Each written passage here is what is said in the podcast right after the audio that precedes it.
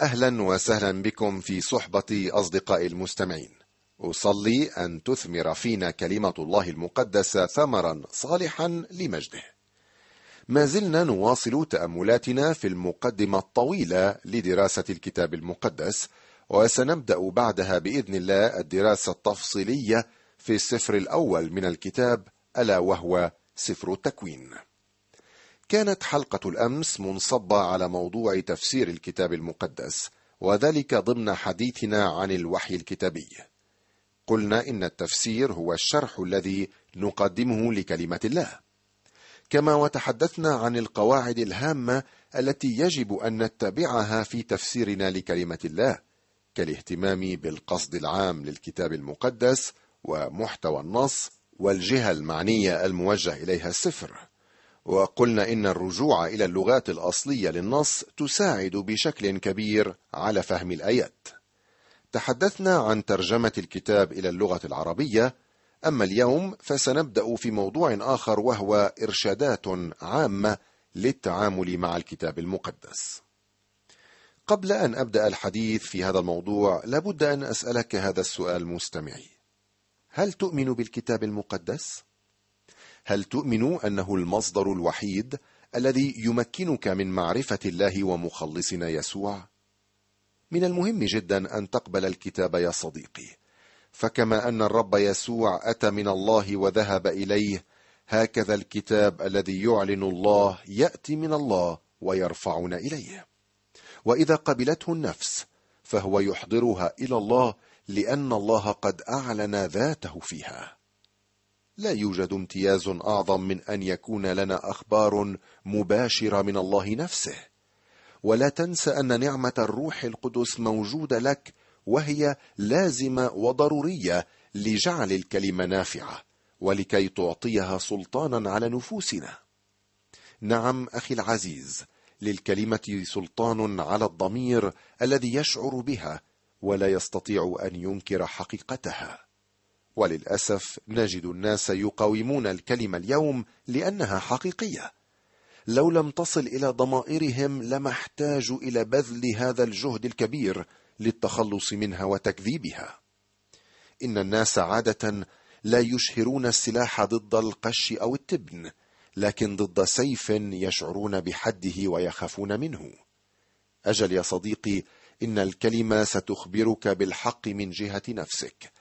لكنها ستخبرك بالحق أيضا عن إله المحبة الذي بذل ابنه الوحيد لكي يمكن الخطى أمثالي وامثالك أن يكونوا معه وأن يعرفوه بعمق ومن صميم القلب أن يعرفوه بالحق ويتمتعوا به إلى الأبد كما يتمتعون به الآن.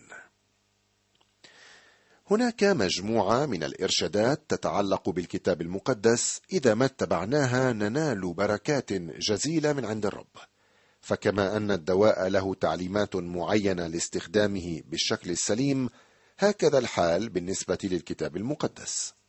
اسمح لي أن أضع بين يديك سبع خطوات أساسية وعملية تكون مرجعا لك في دراستك للكتاب المقدس. أولا ابدأ بالصلاة. ثانيا اقرأ كتابك المقدس. ثالثا ادرس الكتاب. رابعا تأمل به. خامسا اقرأ ما كتبه الآخرون عن الكتاب المقدس. سادسا أطع الكتاب بكل قوتك. وأخيرا أعطه لغيرك كي يقرأ ويستفيد. قد يكون هناك أمور أخرى تحب أن تضيف عليها مستمعي ولكني أعتقد أن هذه الخطوات السبع هي الأساسية. قال أحدهم اعرف الكتاب المقدس في رأسك احفظه في قلبك أظهره في حياتك وازرعه في العالم. اولا أو الخطوة الأولى ابدأ بالصلاة. اقرأ كلمة الله بروح الصلاة. قال القديس أغسطينوس لما كنت شابا سعيت إلى فهم معنى الأسفار المقدسة بقوة الإدراك العقلي وليس بالتوسل الخاشع لله. فأغلقت أمام نفسي بتشامخي وكبريائي الباب الموصل إلى الله. وبدلا من أن أقرع فيفتح لي صار سعي هذا سببا في أن يغلق الباب أمامي. رأينا سابقا أن الكتاب المقدس يختلف عن غيره من الكتب بأن الروح القدس يفتح أذهاننا وقلوبنا لنفهمه. يمكنك أن تقرأ كتابا في الفلسفة وتفهم محتوياته لأنه كتب من قبل الإنسان ومن الطبيعي أن يفهمه الإنسان. أما الكتاب المقدس فيختلف عن ذلك. لا يمكنك أن تفهمه بدون الروح القدس الذي يريد أن يعلمنا ويفهمنا كل الحق الموجود في الكتاب. قال يسوع روح الحق يرشدكم إلى جميع الحق. عندما نفتح كلمة الله نحتاج أن نردد الصلاة التي قالها صاحب المزامير في القديم اكشف عن عيني فأرى عجائب من شريعتك. عندما كتب المرنم هذه الكلمات كان يتفكر في الأسفار الخمسة الأولى من الكتاب المقدس والتي تحتوي على ناموس موسى أو الشريعة. ولكننا اليوم نستطيع أن نجمل في هذه الآية كل الكتاب. نعم افتح عيني يا رب حتى أرى العجائب التي أعددتها لي من كلمتك حتى أراها وأستفيد منها. عندما كان الرسول بطرس يصلي لأهل أفسس لم يصلي من أجل صحتهم أو ليصبحوا أغنياء ولكنه صلى كما يلي. قال لذلك أنا أيضا إذ قد سمعت بإيمانكم بالرب يسوع ومحبتكم نحو جميع القديسين لا أزال شاكرا لأجلكم ذاكرا إياكم في صلواتي كي يعطيكم إله ربنا يسوع المسيح أبو المجد روح الحكمة والإعلان في معرفته مستنير عيون أذهانكم لتعلموا ما هو رجاء دعوته وما هو غنى مجد ميراثه في القديسين. كانت صلاة بولس لهم أن يحصلوا على الحكمة والفهم والمعرفة الإلهية أي أن يعرفوا كلمة الله. صلى أن تستنار عيونهم ليعرفوا رجاء دعوتهم في المسيح. صديقي المستمع إذا أحببت أن تصلي من أجلي فأرجو منك أن تصلي لي كما صلى بولس لأهل أفسس. وسأكون عاجزا عن التعبير عن مدى شكري وامتناني لك. أعتقد أن أهم شيء بالنسبة لك ولي اليوم أن نعرف إرادة الله وإرادة الله لا توجد إلا في كلمة الله الكتاب المقدس. ولا يمكننا أن نعرف كلمة الله إلا إذا علمنا إياها المعلم الأعظم الروح القدس. استمع إلى قول الرسول بولس كما ورد في رسالته الأولى إلى أهل كورنثوس. ونحن لم نأخذ روح العالم بل الروح الذي من الله لنعرف الأشياء الموهوبة لنا من الله التي نتكلم بها أيضا لا بأقوال تعلمها حكمة إنسانية بل بما يعلمه الروح القدس قارنين الروحيات بالروحيات. ولكن الإنسان الطبيعي لا يقبل ما لروح الله لأنه عنده جهالة ولا يقدر أن يعرفه لأنه إنما يحكم فيه روحيا. السبب الذي من أجله لا يستفيد الكثيرون من كلمة الله هو لأنهم لا يدعون روح الله يعلمهم ويرشدهم. الكتاب المقدس يختلف عن غيره حتى إن الإنسان الطبيعي يحسب ما فيه جهالة أو كما يقال كلام فارغ. من هنا لابد من قيادة روح الله وإرشاده لنعرف حقيقة الأشياء المعطاة لنا من الله. هو المعلم الأوحد وهو الوحيد القادر على جعل كلمة الله حقيقة واقعة بالنسبة لنا. صديقي المستمع إن الله يريد أن يتواصل معنا من خلال كلمته المكتوبة. ولكن هذا الكتاب غير عادي ولا يمكننا أن نفهمه على مستوانا البشري المحدود. نحن نحتاج إلى روح الله. هذا أمر لا بد منه. لاحظ هذه الآية التي تناولناها سابقا. لأن من من الناس يعرف أمور الإنسان إلا روح الإنسان الذي فيه هكذا أيضا أمور الله لا يعرفها أحد إلا روح الله. أنت وأنا مستمع نستطيع أن نفهم بعضنا بعضا. مواقف كثيرة في الحياة تحدث لنا نفهم فيها شعور بعضنا البعض ونتصرف أحيانا على نفس النحو لأننا بشر ولنا نفس الروح والعقل. ولكننا لا نقدر أن نفهم الله بعقولنا المحدودة. هناك تفاوت كبير بين الله والإنسان. حتى على مستوى البشر هناك تفاوت بين الشباب وكبار السن حتى أنهم لا يمكنهم أن يتعايشوا في معظم الأحيان. كم بالحري بين الله والإنسان؟ لا يمكننا أن نفهم الله إلا إذا هو أعلن لنا عن نفسه. والروح القدس هو الذي يعلن لنا اليوم عن الله في الكتاب المقدس. هاجم رينان الفيلسوف الفرنسي الشكوك كلمة الله بشدة مع أنه كتب كتابا سماه حياة يسوع. وقد قسم كتابه هذا إلى قسمين الأول تاريخي والثاني يفسر حياة المسيح. وقد أبدع بشكل ملحوظ في سرد تاريخ حياة المسيح كما لم يفعل غيره من قبل. أما تفسيره الشخصي عن حياة ربنا يسوع فهو بدائي ولا يمت بصلة إلى الحقيقة الكتابية. لماذا؟ لأن روح الله لا يقدم لك وقائع تاريخية تستطيع أن تستخرجها بنفسك لكنه يركز على التفسير والفهم الشخصي للحقائق. هو المعلم الوحيد للحق. ورنان لم يكن لديه روح الله ليرشده في فهمه عن حياة المسيح. مستمعي العزيز هل تشتكي من عدم فهم الكتاب المقدس؟ هل تشعر أن إيمانك مريض متمارض؟ هل ترى أن عواطفك متغيرة وفاترة من نحو كلمة الله؟ إذا عدت وفتشت عن السبب لوجدته هو بعينه مخدع الصلاة المهجور.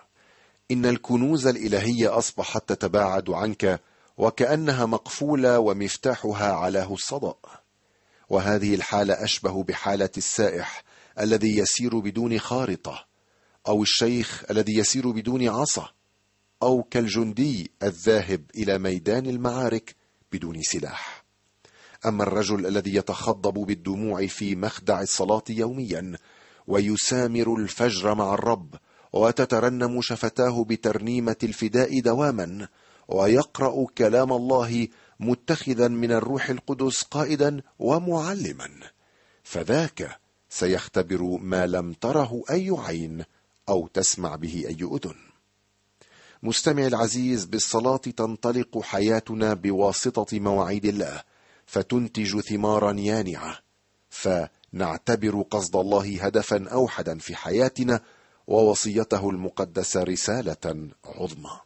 بالصلاة نحن نهيم في عبقرية الكتاب المقدس نتعلم جوهر الحق ومعاني الحق الأعظم. في مواضع عديدة من الكتاب المقدس يأتي ذكر الصلاة ملازما لقراءة الكلمة أو سماعها. فقد قيل عن مريم التي كانت تلازم المسيح إنها جلست عند قدمي يسوع وكانت تسمع كلامه. كانت في شركة معه بالصلاة وتسمع إلى كلماته. يقول بولس في رسالة أفسس وخذوا خوذة الخلاص وسيف الروح الذي هو كلمة الله مصلين بكل صلاة وطلبه كل وقت في الروح. نعم يا أخي الصلاة والكلمة متلازمان تماما. هما كجناحي الطائر لن تستطيع التحليق في أجواء الشركة مع الله بدونهما معا. نحن مدعوون يا صديقي أن نطلب العون من الله. يخبرنا الوحي في رسالة العبرانيين ما يلي. فلنتقدم بثقة إلى عرش النعمة لكي ننال رحمة ونجد نعمة عونا في حينه. وقال يسوع في الفصل السادس عشر من إنجيل يوحنا إن لي امورا كثيرة أيضا لأقول لكم ولكن لا تستطيعون أن تحتملوا الآن. وأما متى جاء ذاك روح الحق فهو يرشدكم إلى جميع الحق لأنه لا يتكلم من نفسه بل كل ما يسمع يتكلم به ويخبركم بأمور آتية. ذاك يمجدني لأنه يأخذ مما لي ويخبركم. كل ما للآب هو لي. لهذا قلت إنه يأخذ مما لي ويخبركم. بعد قليل لا تبصرونني ثم بعد قليل أيضا ترونني لأني ذاهب إلى الآب. لدى الرب يسوع الكثير ليعطيه لنا لذا علينا أن نطلب منه. وقد أرسل لنا الروح القدس ليرشدنا في معرفتنا عنه. يقول الرب أيضا وأما المعزي الروح القدس الذي سيرسله الآب باسمي فهو يعلمكم كل شيء ويذكركم بكل ما قلته لكم. نعم صديقي الروح القدس هو المعلم الوحيد الذي يجب أن يقودنا في كل الحق المعلن في كلمة الله. وإذا كنت تستفيد من برنامجنا هذا كنوز الحكمة فلن يكون ذاك بسبب مضيفك المسكين الذي يقدم الدرس بل لأن روح الله يفتح ذهنك وقلبك لتستقبل كلمة الله وتفهمها وتحياها. تذكر مستمع أن الذي يقرأ كلام الله ويدرسه كثيرا بدون روح الصلاة يكون عرضة للكبرياء وبرودة القلب. ربما يكون قادرا على تفسير عباراته لكن سينقصه إدراك الأفكار والمشاعر المباركة التي تنبعث منها. ليس مهما بأيهما تبدأ بل كما قال أحدهم اقرأ الكتاب بروح الصلاة وصلي بروح المكتوب. قال جورج مولر أنا أسعى إلى قيادة روح الله من خلال كلمة الله فالكلمة والروح يسيران جنبا إلى جنب. إذا قادني روح الله فإنه يفعل ذلك حسب الكتاب دائما وأنا شخصيا لا يمكنني أن أصف فرحتي أثناء الصلاة. عندما يذكرني روح الله بمواعيد الله العظمى فأقتنيها فورا لحياتي في صلاتي أو يملي علي بوصايا الرب المكتوبة لأطبقها وأعيشها في حياتي. هذه هي الخطوة الأولى في تناولك للكتاب المقدس مستمع العزيز. ابدأ بالصلاة واطلب إرشاد روح الله القدوس المعلم الأعظم. ليكن شعارك دائما اكشف عن عيني فأرى عجائب من شريعتك. لقائي معك صديقي المستمع أوشك على الانتهاء وسأتابع معك المرة القادمة بإذن الله الحديث عن الإرشادات العامة لتناولنا للكتاب المقدس. حتى يحين موعد لقائنا القادم أتركك بين يدي القدير ضارعا أن يحفظك في عنايته.